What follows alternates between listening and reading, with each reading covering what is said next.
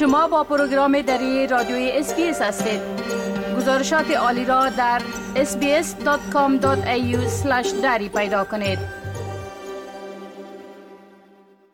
و حال با همکارم آقای جاوید روستاپور خبرنگار برنامه دری برای جنوب آسیا صحبت می کنیم که ایشان در مورد موضوعات عمده در رابطه با افغانستان گزارش میتن.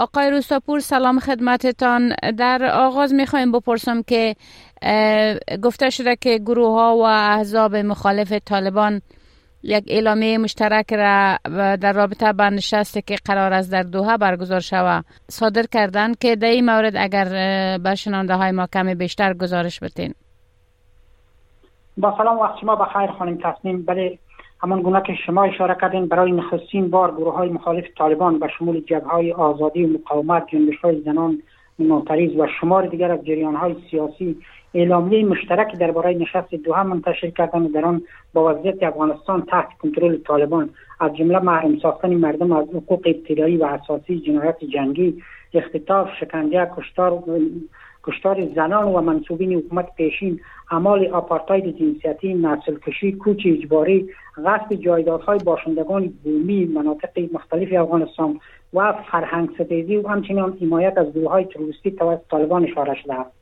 این جریان های سیاسی با تاکید بر اینکه دعوت از طالبان در نشست های بین آنها را در ادامه رفتارهای خشونتبارشان جسورتر خواهد کرد. از ملل متحد خواستند که زمینه حضور اما طرف های سیاسی زینف افغانستان را در نشست فراهم کند تا فرصت شکلگیری دولت برخواسته از اراده مردم از طریق یک پروسه فراگیر ملی فراهم شود. جریان های سیاسی ضد طالبان همچنان تاکید کردند که هر نوع همکاری با گروه طالبان هیچ نوع سودی به حال مردمی افغانستان نخواهد داشت. و برعکس این گروه را در مسیر انحراف از اصول انسانی تقویت خواهد کرد. قرار است نشست دوها درباره افغانستان به میزبانی دبیر کل سازمان ملل متحد در روزهای 29 سی دل برگزار شود که در این نشست نمایندگان بیش از سی کشور اشتراک خواهند کرد.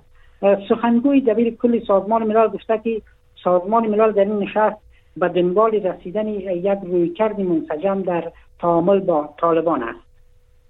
بله تشکر. خب همچنان یک نهاد حقوق بشر یک گزارشی را تهیه کرده که گفته شده 88.4 درصد زنای افغانستان به خدمات محاکم و پلیس دسترسی ندارند. در مورد این نهاد و همچنان جزیات گزارش اگر کمی به های ما معلومات بتین. بله شبکه حقوق زنان افغانستان پاکستان و هند که یک سازمان حقوق بشری است در سه گزارشی که اخیرا نشر کرده گفته که 88.4 درصد زنان در افغانستان به خدمات محاکم محاکم و پلیس دسترسی ندارند. در این تحقیق تنها در افغانستان با 500 زن در 11 ولایت به گونه حضوری و آنلاین مصاحبه شده. در گزارش آمده که با زنان ولایت های بلخ، هرات، بامیان، کابل، کندز، منگرهار، لغمان، نیمروز، جوزجان و پکتیا به گونه حضوری و در پنشیر به گونه آنلاین مصاحبه کرده که به اساس این تحقیقات 86 درصد زنان در افغانستان به مشکلات جدی روانی روبرو هستند و تنها 17 درصد آنان به خدمات صحی دسترسی دارند. در این گزارش همچنین گفته شده که 77 درصد از زنان که با آنها مصاحبه شده خشونت های خانوادگی جامعه و طالبان را تجربه کرده و کردند و 91 درصد زنان گفتند که به دلیل زن بودن با تبعیض جنسیتی روبرو هستند.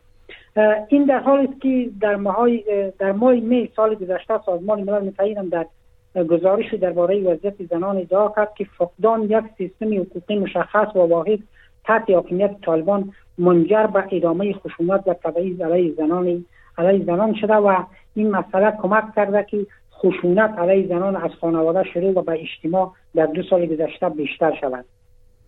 بله تشکر.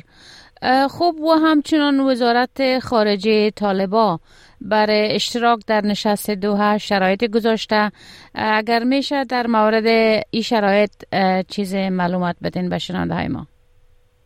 وزارت خارجه طالبان در اعلامیه دو شرط برای شرکت این گروه در نشست دوها مطرح کرده و تاکید کرده که اگر این شروط برآورده نشود طالبان در نشست دوها حضور نخواهند یافت به اساس اعلامیه وزارت خارجه طالبان شرط اولی است که در نشست دوها زمینه دیدار امیر خان متقی سرپرست وزارت خارجه گروه با دبیرکل سازمان ملل فراهم شود.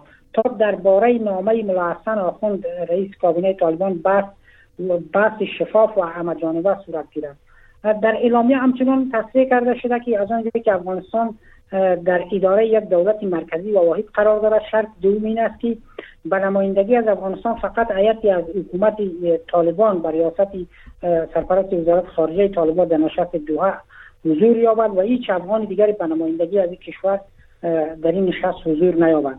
این در حال است که مخالفان طالبان هم. همان گونه که پیشتر گفتم با دعوت از این گروه مخالفت خود را اعلام کردن و در اعلامیهشون تاکید کردند که طالبان باید به دادگاه بینالمللی کشانده شوند. نه دعوت به نشست که سازمان ملل این را میزبانی می کند تشکر آقای روستاپور یک تعداد از فعالان مدنی و حقوق بشر در گزارش ادعا کردند که از زمان به قدرت رسیدن طالبا مسئولان طالبا حقوق بشر نقض کردند و همچنان آنها را به سوی استفاده جنسی هم متهم کردند.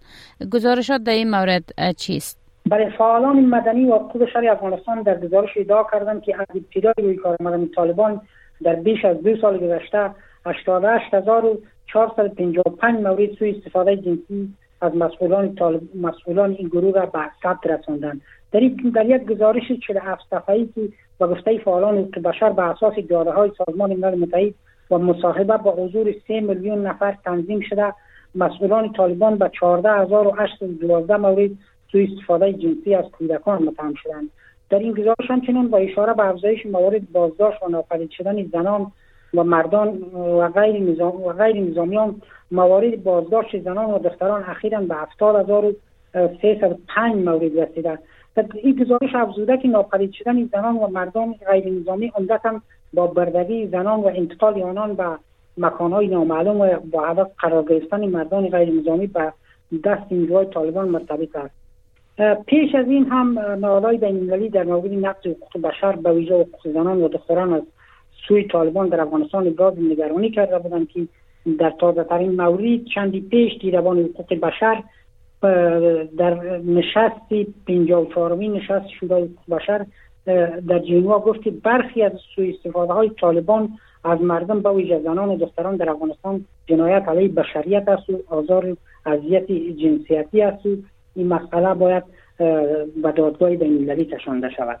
بله بسیار زیاد تشکر از شما آقای جاوید روستاپور تا برنامه آینده که باز هم با شما تماس خود گرفتیم. شما را به خداوند میسپارم. روزتان خوش. وقت شما هم خوش خدا نگهدارتان. می خواهید این گناه گزارش ها را بیشتر بشنوید؟ با این گزارشات از طریق اپل پادکاست، گوگل پادکاست، سپاتیفای و یا هر جایی که پادکاستتان را می گیرید گوش دهید.